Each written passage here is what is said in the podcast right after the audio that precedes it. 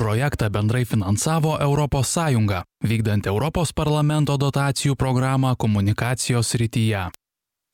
Sveiki, čia žinių radijas, eterį atviras pokalbis prie mikrofono Raigardas Musnickas. Neseniai Europos parlamento narys Andrius Kubilius portale Delfi rašė. 2024 metais e, minime naujosios Europos 20-metį. Gegužės 1 sukaks 20 metų, kai aštuonios centrinės Europos ir Baltijos valstybės tapo ES narėmis. Šiek tiek vėliau prie jų prisijungė Rumunija ir Bulgarija ir paskutinioji Kroatija. Kažkas iš amerikiečių visas šias naujokės pakrikštijo naująja Europa dėl jų skirtumų nuo senosios Europos ir šis naujosios Europos titulas liko prigijęs. Tačiau per pastarąjį dešimtmetį naujoji Europa tapo tuo regionu, kur valdžių sluoksniuose sparčiai plito antieuropietiškas populizmas, europietiškų teisinės valstybės ir demokratijos taisyklių bei tradicijų nesilaikimas ir veto šantažo kultūros plėtra. Viktoro orbano vengrijoje iki neseniai laiko jaroslavo kačinskio lenkija šiek tiek anksčiau andrejaus babišo čekija o dabar ir roberto fico slovakija. Buvo yra tokio populizmo vėliavnešiai gąsdinantys visą europos sąjungą rašė kubilius. Taigi šiandien mes ir pasiaiškinsime kuo gresia naujosios europos populizmas ar e, tai persiduos ir senajai europai ir kaip gali e, paveikti tai visą aljansą apie tai šiandien mūsų laidoje ir e, su mumis šiandien nuotoliu e, jau e, minėtasis ir cituotasis Europos parlamento narys Andrius Kubilius. Sveiki, Andriu. Sveiki. Ir Rytų Europos studijų centro vadovas Linas Kojalas. Sveiki, Linai. Sveiki. Tai Andriau, pradėkime nuo jūsų. Tai situacija blogėja ar gerėja? Nes tai, ką jūs vardinate, iš tikrųjų e, Kačinskis, Babišas e, ir taip toliau, kai kurie iš jų jau pasitraukė iš rinkos, e, atėjo nauji. Tai jeigu taip žiūrėti į proporcijas ant svarstyklių lėkščių, populistų daugėja ar tiek pat išsilaiko kol kas?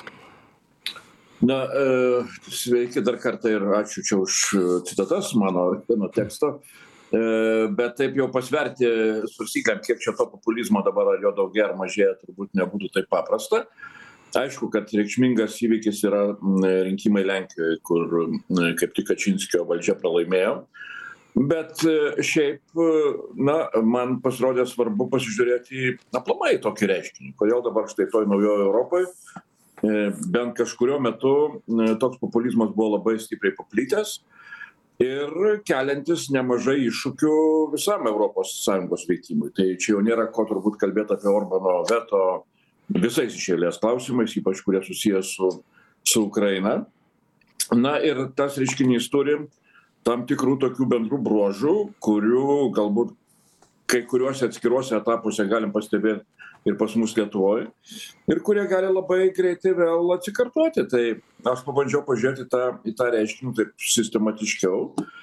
Kodėl iš tikrųjų e, naujoji europa kuri nu prieš dvidešim metų kaip jau čia tą sakiau e, tapo europos sąjungos nare ir iš tikrųjų tai leido kurti didžiulę šito regiono sėkmę jos kai kurie lyderiai vėlgi tie patys minėti ir ir orbanas ir kačinskis ir ir tas pats babišas dabar galbūt ir Fiko tas pats.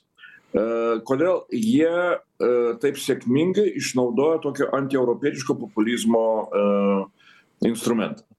Kurdami savo valdžios piramidę, sugebėdami išsilaikyti gana ilgai valdžioje, kitaip sakant, sugebėdami mobilizuoti savo rinkėjus būtent tokiu antieuropietišku, antieuropietiškom nuostatom, antieuropietišką retoriką, ir ir ir ir o ką jūs turit andriau kubiliau e, e, omeny e, antieuropietiška? Populizmas tai daugiau mažiau aišku bet va tas antieuropietiškumas įstoja į europos sąjungą šalys ir staiga jos tampa kaip antieuropietiškos. Kuria prasme? Kaip suprasti tai?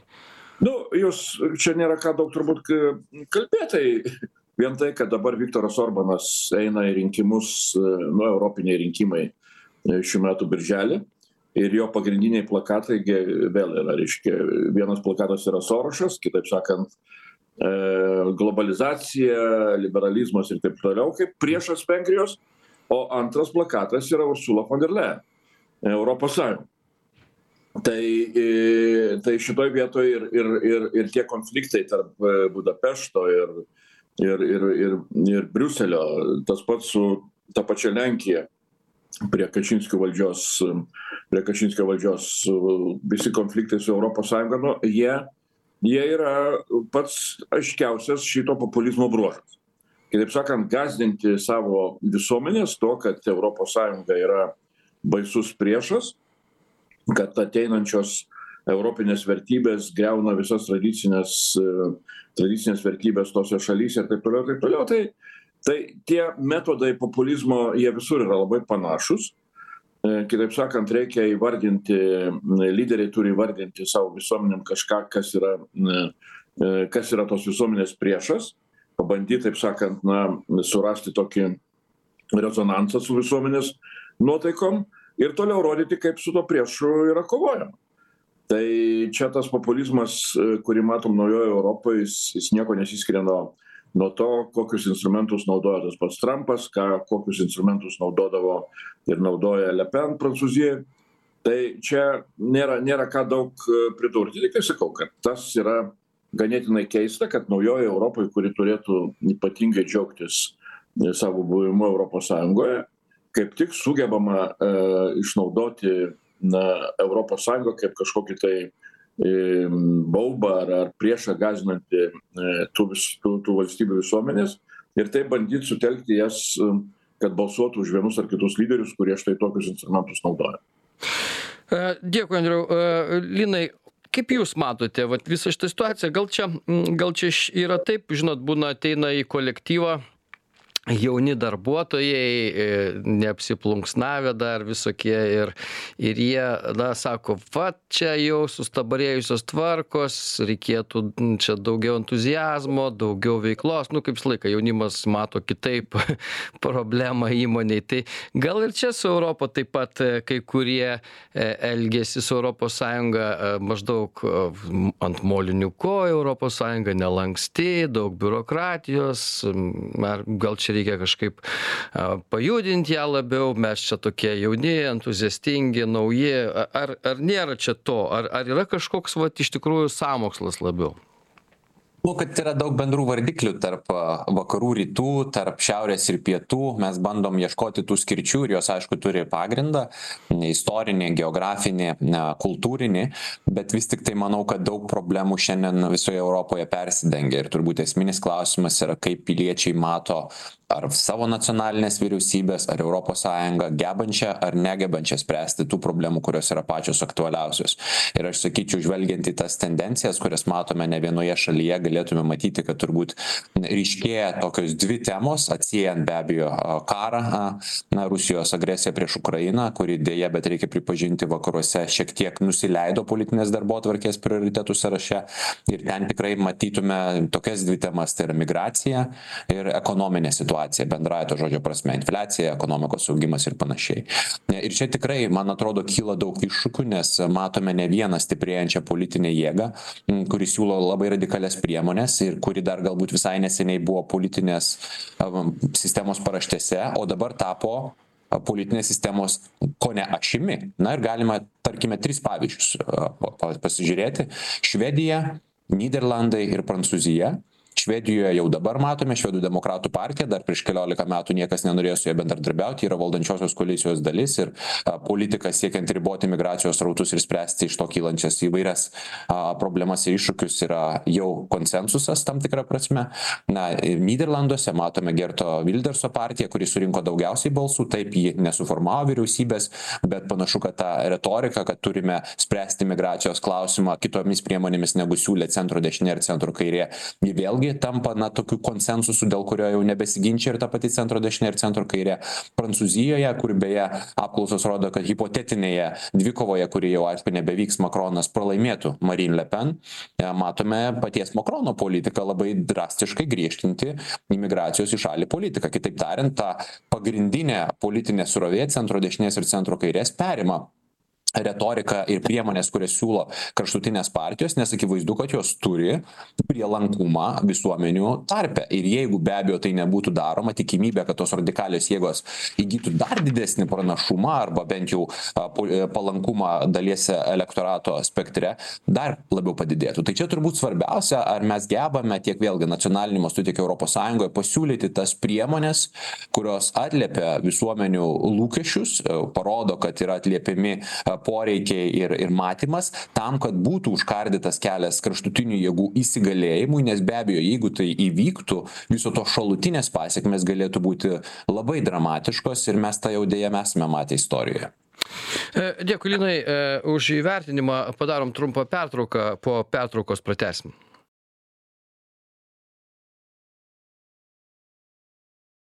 Projektą bendrai finansavo Sąjunga, vykdant Europos parlamento dotacijų programą komunikacijos srityje. E, Tęsėme e, atvirą pokalbį, kuo grėsia naujosios Europos e, populizmas, apie tai šiandien šnekamės. Andrius Kubilius, Europos parlamento narys ir Linas Kojala, Rytų Europos studijų centro vadovas, šiandien mūsų pašnekovai. Andriu, mes e, prieš pertrauką su Linu Kojala pabaigėm ir jis, jisai paaiškino, kur čia yra tam tikros problemos. Iš tikrųjų, Europos Sąjunga irgi išgyvena tam tikrą krizę, migracijos, infliacijos, kitų dalykų, ekonomikos galbūt įvairius virsmus ir, ir e, galima sakyti galbūt, kad tos naujosios, sakykime, valstybės jos, nežinau, ar čia jos giliau mato tos problemas arba tiesiog iš, iš entuzijazmo jaunatviško priešinasi įvairiems dalykams, kaip migracija, mes matėm ten ir Orbanas prie vienas turbūt iš pirmųjų pradėjo statyti e, koncertinas nuo migrantų, kas atrodė iš pradžių drastiškai, paskui visi kiti e, tą perėmė. Ir, ir taip toliau, taip toliau. Kai kurios šalis kaip Lenkija turbūt didelė valstybė, jinai jaučia, kad jinai nu, turi įtaką Europoje ir, ir įstojo Europos Sąjunga čia gali irgi svariai daryti savo kažkokius tai dalykus. Ar, ar tai nėra noras kažkiek reformuoti tą pačią Europos Sąjungą? Gal mes tai vadinam populizmu, jiems gal tai atrodo, kad tai reformos kažkokios?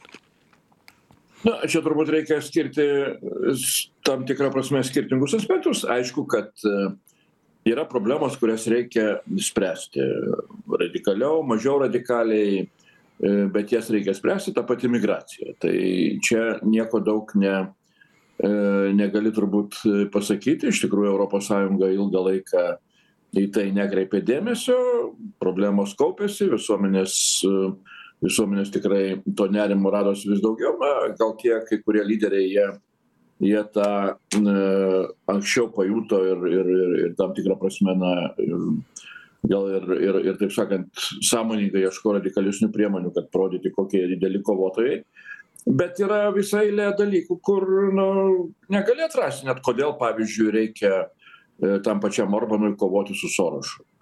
E, nu kur čia yra kokia problema jis čia sprendžia. Nu tai čia yra tradicinis e, tradicinis nuo nuo nuo turbūt devyniolikto amžiaus laikų galima stebėti tokias populizmo populizmo bangas populizmo populizmo taip sakant instrumentus kaip pas pavyzdžiui paskelbė pasaulinį žydų sąmokslą kad tai yra Bet čia gal sena Orbano neapykanta Sorošui nuo dar senų Jo. laikų, gal čia jie tiesiog kažkada tai politinio gyvenimo ištakose susipyko ir iki šiol. Ne, nu, tai- aš manau, aš manau, kad čia yra tradicinis būdas, vat, bandyti visuomeniai parodyti, žiūrėkit, čia yra jūsų priešas. Nu, čia dar yra garsaus vokiečių filosofo Karlo Šmito atrasta formulė, kuri iš tikrųjų turbūt atspindi didelę dalį realybės. Šmitas, būdamas toksai, na, ir, ir, ir, ir tuo pačiu, reiškia, nacijų režimo metu e, kūrė savo politinę filosofiją, jisai suformulavo labai paprastą dėsnį kad politikoje pats svarbiausias dalykas yra įvardinti priešą ir pademonstruoti, kaip tu su juo kovosi. Tai tą darė visi, reiškia. Nuo Hitlerio iki dabar Putino visų, visų instrumentarijus yra labai panašus. Tai tą populistai labai dažnai tuo naudojasi. Tai kaip sakau, čia reikia atskirti, kur yra realios problemos, kaip pavyzdžiui migracija pabėgėliai, nuo tokių dalykų, kur yra įvardinami sorošai, LGBT, ten Europos Sąjunga, neoliberalizmas, nu čia galim vardinti ir vardinti ir vardinti. Tai e, toj vietoj e, štai apie tai turbūt reikia e, šiek tiek skirtingai ir kalbėti. Tai galų gale grįžkim prie Lietuvos patirties. Nu, jeigu taip pasižiūrėti, kas Lietuvoje buvo tokie ryškiausi populistai, tai aš galiu įvardinti paksą uspaskichą ir karbauskį tai tada pasižiūrėkim į jų retoriką su kuo jie kovojo. Tai jie nekovojo ten su kažkokiom migracijom ir ar ar kažkuo tai kitu jie kovojo su labai blogu elitu jie kovojo ten vėl su su visokiais tariamais priešais. Tas veikia sugebėjo gauti nemažai populiarumo bet na ar jie kažkokius tai savo taip sakant visa ta retorika bandė spręsti kažkokias problemas tai mano įsitikinimu tikrai ne taip tas buvo aišku įstojant į europos sąjungą daug kovotojų buvo ir jie tai dažnai pristatydavo ką kaip tam tikrą baimę prarasti suverenitetą. Prarasime litą prarasime ten įtaką savo įstatymams ir ir savo įstatymų leidybą ir taip toliau taip toliau. Daugelį dalykų kurie buvo pateikiami kaip suvereniteto tam tikras suspendavimas įstojimas į europos sąjungą.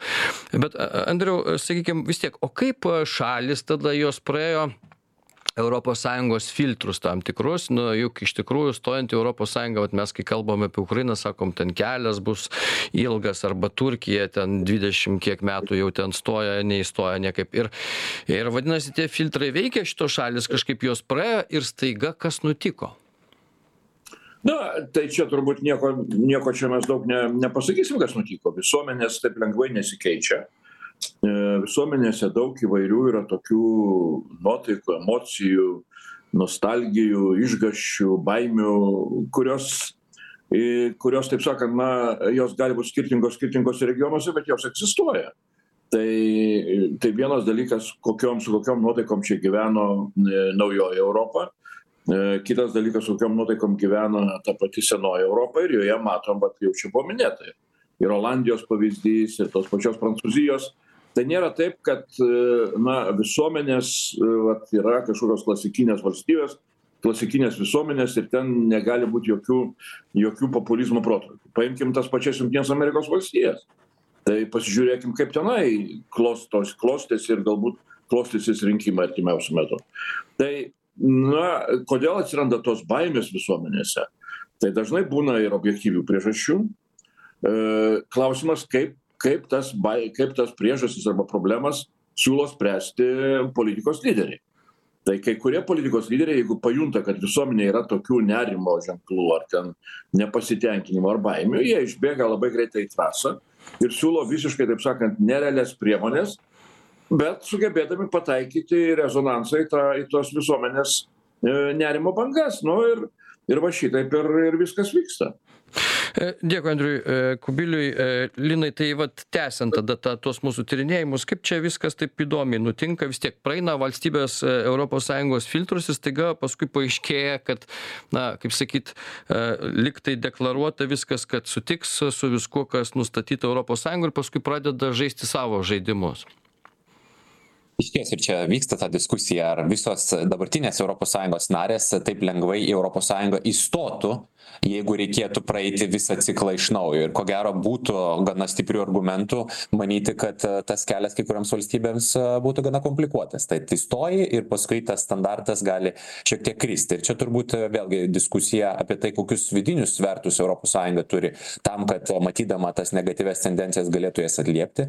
Ir mes matėme per pastaruosius na ketvertą penketą keletą metų na tikrai judėjimai į priekį šia kryptimi na ypatingai dėl vengrijos ir ir lenkijos pavyzdžių na kuomet buvo sustabdyti ir atskirų finansinių resursų na mokėjimai šioms valstybėms įskaitant ir pandemijos gelbėjimo fondo paramą kuri buvo numatyta visoms valstybėms bet kaip žinome buvo įšaldyta tai pačiai vengrijai ir tiktai visai neseniai dalis jos buvo atšildyta kabutėse todėl kad buvo siekiama ko gero na ir to to kad vengrija palaikytų paramos ukrainai paketus na yra diskutuojama apie tai ar galėtų būti suspenduojama balsavimo teisė bet aišku tai yra labai radikalios priemonės europos sąjungos kontekste. Niekas nenori taip pyktis viduje. Ir ko gero tikisi kad net jeigu vienu ar kitu metu šalyje yra iššūkių ir problemų fundamentaliai demokratija veiks ir galbūt po artimiausių rinkimų ta situacija pasikeis. Ir iš dalies tie kurie buvo kritiški buvusios lenkijos vyriausybės atžvilgiu tai pasitvirtino lenkijoje kuomet įvyko rinkimai ir ko gero dabar tas briuselio ir varšuvos santykis bent bent jau aukščiausiame politiniame lygmenyje tikrai persikrauna ir tendencijos bent jau šiame santykyje ko gero keisis E, jūs manote, kad Lenkijoje persikrovė valdžia dėl e, radikalaus tokio elgesio, kurį matė pačios patys Lenkijos žmonės ir dėl to, kaip elgėsi Lenkija Europos Sąjungoje, ar, ar kaip?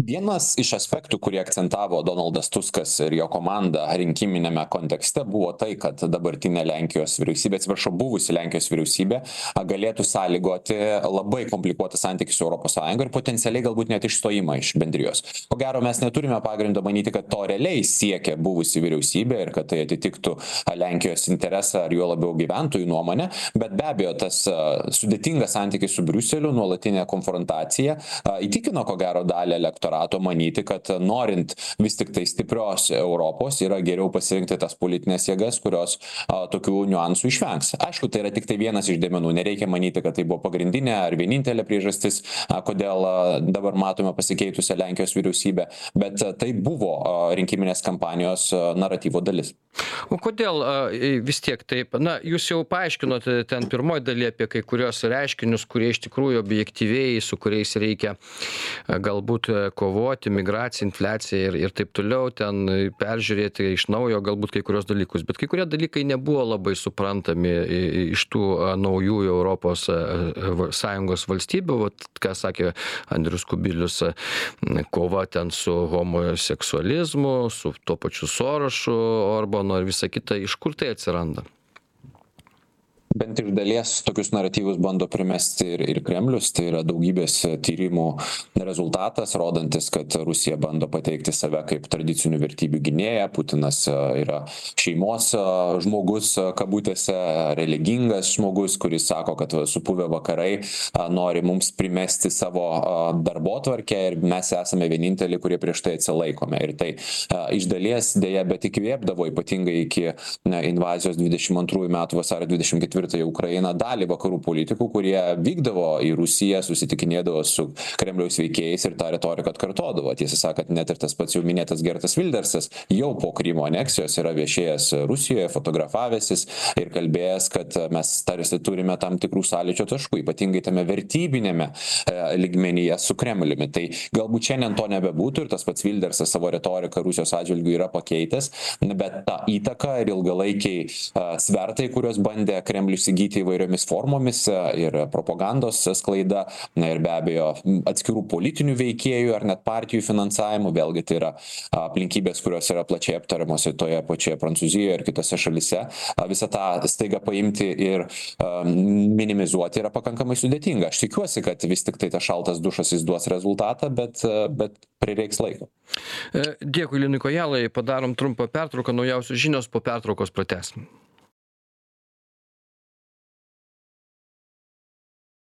projektą bendrai finansavo sąjunga vykdant europos parlamento dotacijų programą komunikacijos srityje tęsiame atvirą pokalbį kuo gresia naujosios europos populizmas. Apie tai šiandien šnekamės andrius kubilius europos parlamento narys ir linas kojala rytų europos studijų centro vadovas mūsų pašnekovai. Šiandien ir andriau vis tiek mes prieš prieš pertrauką su su linu na pažvelgėme irgi į į situaciją.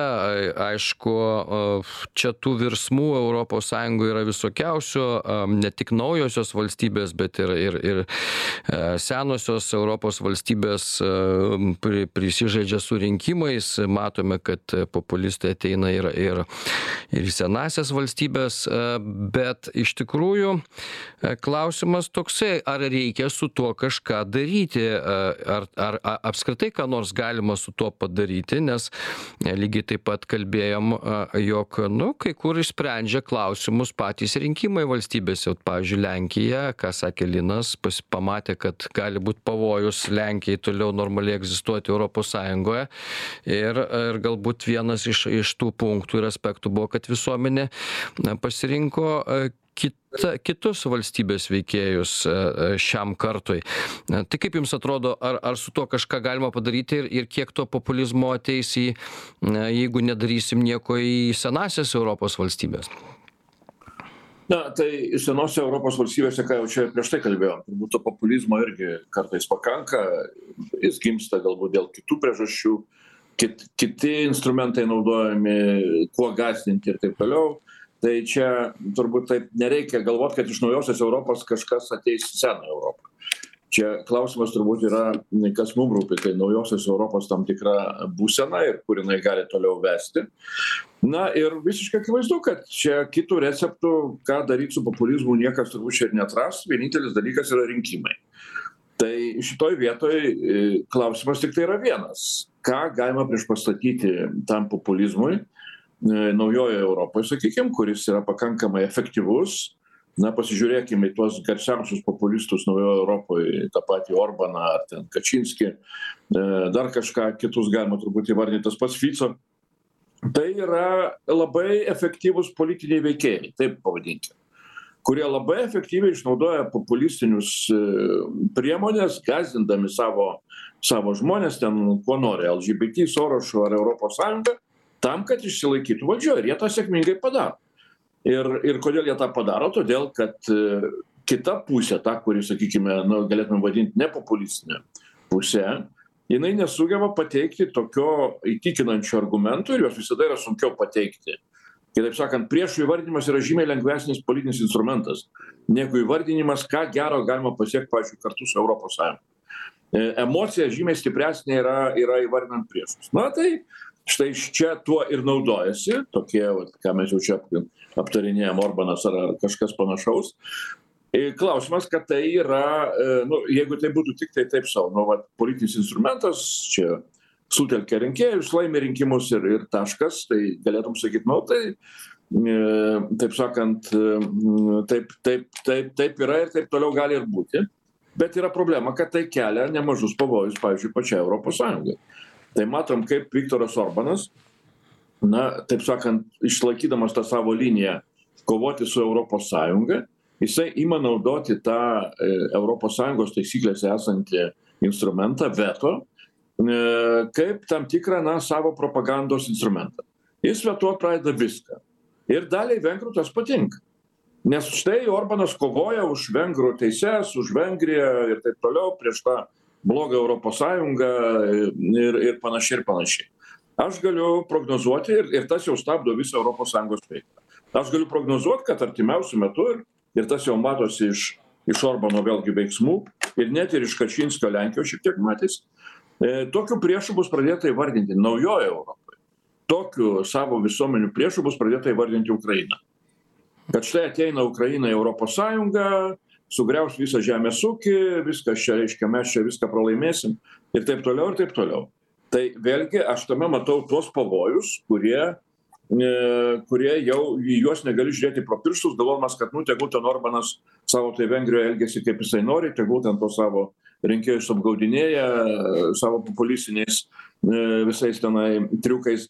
Tai čia nėra taip kad tai yra tiktai vengrijos reikalas.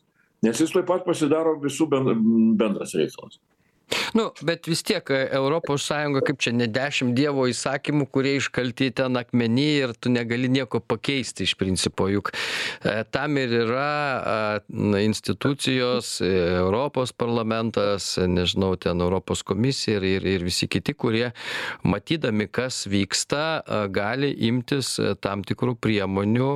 Jeigu orbano sakykim veikimas aš vat čia norėjau klausti kiek tų populistų veikimas yra apskritai destruktyvus nes nu ką ten saviškiams sako orbaną ten mėgsta vengrijoj renka ten jau nežinau kelintą ketvirtą ar trečią kadenciją turbūt ir ir jis ten vis premjerauja sau sėkmingai bet tai čia kaip jūs ir sakėte teisingai jų reikalai yra bet kai tai pasidaro destruktyvu ir kiek tai destruktyvu be orbano dar ir kiti kurie sakykim įneša nu pro į procedūras stabdžių labai daug įvairiausių tai tada belieka klausimas ar ar ar galima kažką padaryt ar tada gal gal pas paaiškėja kad ir senojoj europos sąjungoj ne taip visi čia tuo orbano veikimu yra išgąsdinti. Gal kai kam tai yra veikėjai kurie įgarsina tiesiog tas problemas kurios egzistuoja europos sąjungoj kai kitiems tą įgarsinti atrodo gal polit nekorektiška kažkaip ar dar kažką. Nu tai aš čia tik galiu sakyt žinai faktas kad ką ką dabar matom tai orbanas naudojasi tomis sąjungos taisyklėmis kurios nuo buvo sukurtos nuo pat pradžių romos sutarties penkiasdešim septintų metų ir kur buvo įrašyta ta pati veto teisė kad svarbiausi sprendimai turi būt pasiekiami konsensusu. Tai tas senoj europoj kažkaip niekam nekilo turbūt pagunda pradėti tai naudot kaip visiškai tokį politikos instrumentą kuriuo bandoma sutelkti savo rinkėjus. Kitaip sakant niekas nebandė piktnaudžiaut šita veto teise nu štai atėjo naujoji europa tokie džigitai taip sakant iš rytų. Ir ir pradėjo šituo kardu tiek mojuoti kad nu turbūt jau pradeda visi suprasti kad ta veto teisė jinai turi būti keičiama tai čia vat orbano pasiekimas gali būti toks kad jis iš tikrųjų paskatins europą vienytis link vidinių reformų. Mano manymu aš tą jau senai sakau kad ta veto teisė yra atgyvena ir ir ir kaip tik žymiai demokratiškesni sprendimai būtų remiantis normaliais daugumos ir ir mažumos taip sakant balsavimo principais. Tai link to gal ir bus judama nors nu pačios reformos nebus lengvos nes taip jau ta europos sąjunga čia yra save taip sakant įstačiusi į tokius rėmus kad net ir reformuojantis reikia bendro sutarimo. Tai norint atsisakyt veto reikia kad visi tam pritartų. Tai čia taip sakant tos tos problemos tokios vidinių vidinių vidinių pertvarkų problemos jos kažkurį laiką tęsis. O ką europos sąjungos šal šalys narės apie veto teisę? Juk seniai kalbama apie tai jau panaikinimą veto teisės. Ar ar kažkur linkstama kas nors? Ar čia tiktai nu yra yra yra yra tų svarstymų buvo ta europos ateities konferencija kur vienu iš iš pagrindinių išvadų buvo kad reikia atsisakyt veto teisės. Bet jau kaip aš minėjau tai norint atsisakyt veto teisės formaliai žiūrint tai reikia tam kad kad tam nevetuotų ar jo nieks nevetuotų. Tai čia toks šiek tiek užburtas ratas. Nežinau kaip tenai kokie nors gal gudrūs teisininkai atras kažkokį kitą būdą be nes nu kam aš matau kodėl mano tas optimizmas šioks toks šituo klausimu egzistuoja. Tai štai iš paskutinės vadovų tarybos kur jau atrodė kad orbanas tikrai užblokuos ukrainos taip derybų pradžią dėl ukrainos narystės europos sąjungoj galų gale jisai neužblokavo. Ir kodėl neužblokavo? Todėl kad savo gąsdinimais ir savo taip sakant tuo mojavimu veto kardu jisai sugebėjo suvienyti visas kitas dvidešim šešias valstybes kurios kurios na ne tiktai piktinosi orbanu kas galbūt būtų savaime suprantama bet kurios tom aplinkybėm pareiškė tokią paramą ukrainai kurios be be orbano veto būtų buvę galbūt net ir sunku tikėtis. Tai kitaip sakant visada kažkoks tai na toks vat populistinis veiksmas jis galų gale sulaukia atoveiksmio tai aš todėl taip žiūriu na ateis laikas ir pasibaigs gal štai tokie tokios tokios tos populizmo bangos ir čia toj naujoj europoj dėkui andriui kubiliui. Linai tai vat vis tiek kaž ar reikia kažką jūsų akimis daryti? Na čia dabar kalbama dažniausiai apie tą veto teisės panaikinimą. Ar ar reikia laukti kol populis tinės na sakykim populizmu alsuojančios valstybės. Šiaip negali sakyt valstybės galbūt reikėtų na kai kurie lyderiai matyt yra labai išreikšti aišku juos išrenka į valdžią bet vis tiek absoliutinti nesinori visą laiką.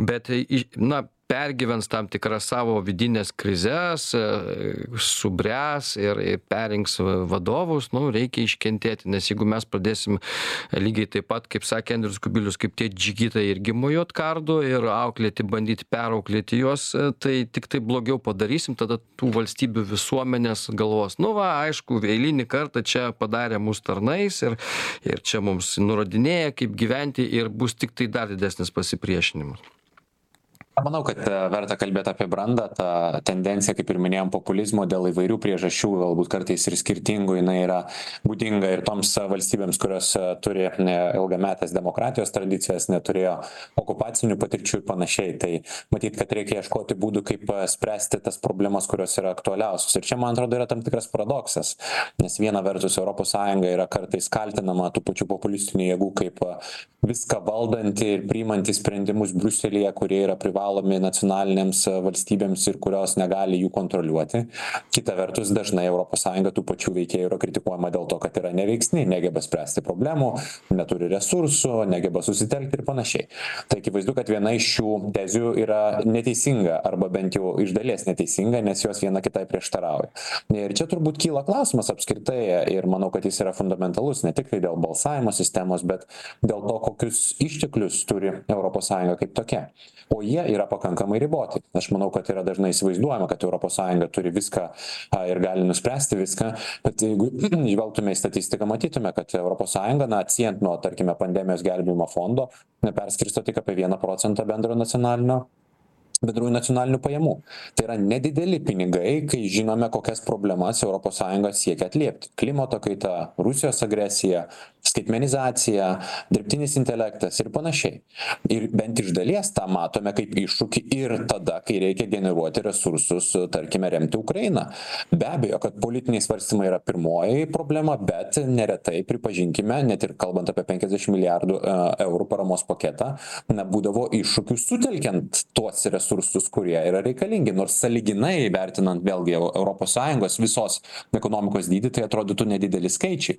Tai čia turbūt yra ta kryptis kurią reikėtų diskutuoti ir kurią reikėtų svarstyti nes jeigu norime kad europa kaip veikėjas būtų matomas globaliu mastu ir gebėtų ne tiktai vidaus problemas spręsti bet ir būti reikšminga globaliu mastu akivaizdu kad dabartiniai ištekliai resursai yra tiesiog nepakankami. Nes kad ir kokia bus politinė valia ją realizuoti praktiškai nebus priemonių. Ir tai yra labai sudėtinga diskusija. Ar galėtų pavyzdžiui europos sąjungoj šiandien įvykti a pakeitimas bendros sutarties aš turbūt būčiau linkęs abejoti nes vėlgi ta pati problema visos šalys turėtų ją ratifikuoti ir esame matę kad istoriškai tai dažnai būna labai nelengva.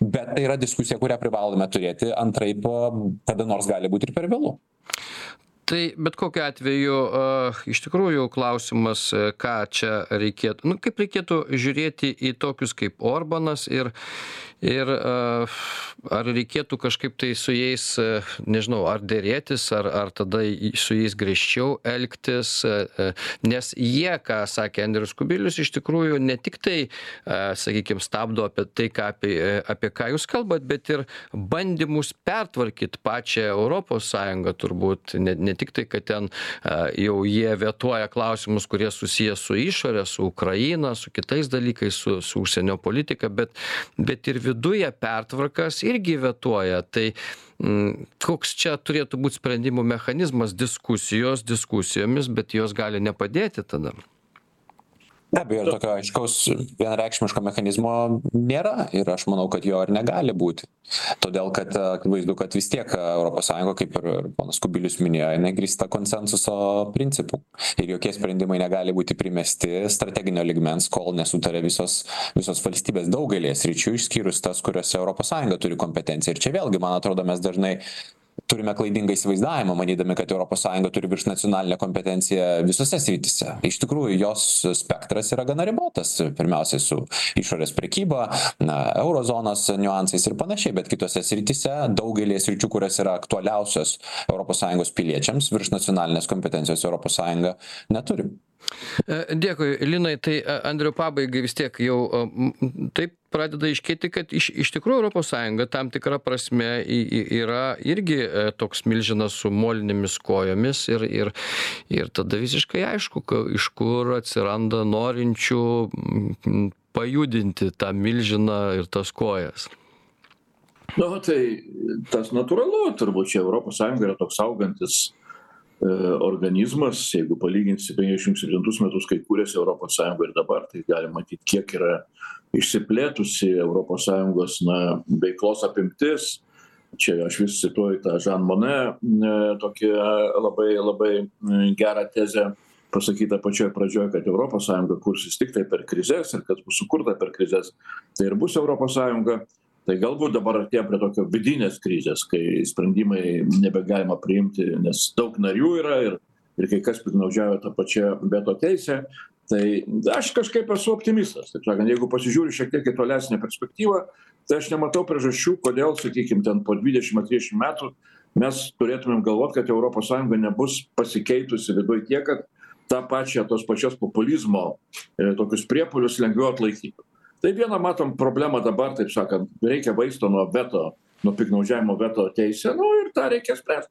Čia didesnis galbūt mes čia šiek tiek labiau nuklydom į į europinę populizmą bet na mes patys turim pažiūrėt ir į save į veidrodį kad ir ir lietuvai yra tokių problemų čia vat linas kojala kalbėjo apie tai kad europos sąjunga negali susitart dėl didesnių resursų. Tai tai mes lietuvoj negalim susitarti dėl to kad reikia didesnio biudžeto kad reikia pertvarkyt šiek tiek mokesčius kad turėt daugiau pajamų biudžete kad galėtumėm spręsti daugelį problemų. Ir kodėl mes to negalim padaryt todėl kad na vėlgi partijos kurios nėra valdžioj jos jos jos taip sakant naudojasi tuo kad jos gali labai lengvai kritikuoti sakyt čia mokesčių didinimas bus didžiulė didžiulė reiškia pavojus visiem visiem lietuvos gyventojam. Ir tuo tarpu kai patys ateina į valdžią supranta kad tą reikėjo tą reikia keisti jau tada taip sakant situacija būna būna tokia kad jie jau nebeturi galios ką nors spręst tai čia man atrodo ir lietuvoj mes turim tą atsiminti kad mes labai dažnai čia nagrinėjam skirtumus tarp kairės ir ir ir dešinės kai iš esmės didžiausi skirtumai mano manymu lietuvos politiniam gyvenime yra tarp tų kurie yra linkę į populizmą ir ir ir kurie nenori spręsti realių problemų kurias reikia spręsti tame tarpe susietų ir su biudžetu. Ir tų kurie nu kuriem ta populizmo bacila galbūt yra yra ne tokia pavojinga.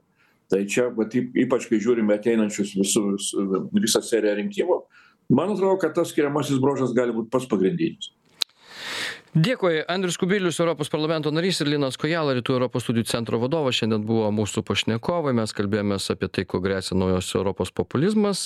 Tai tikėkimės kad per daug neįsišaknys ir kaip nors išspręs žmones ir tas problemas kurios kartais kyla iš kai kurių vadovų nesupratimo kas vyksta pasaulyje. Tiek laidoje atviras pokalbis. Dėkui visiems už dėmesį iki kitų kartų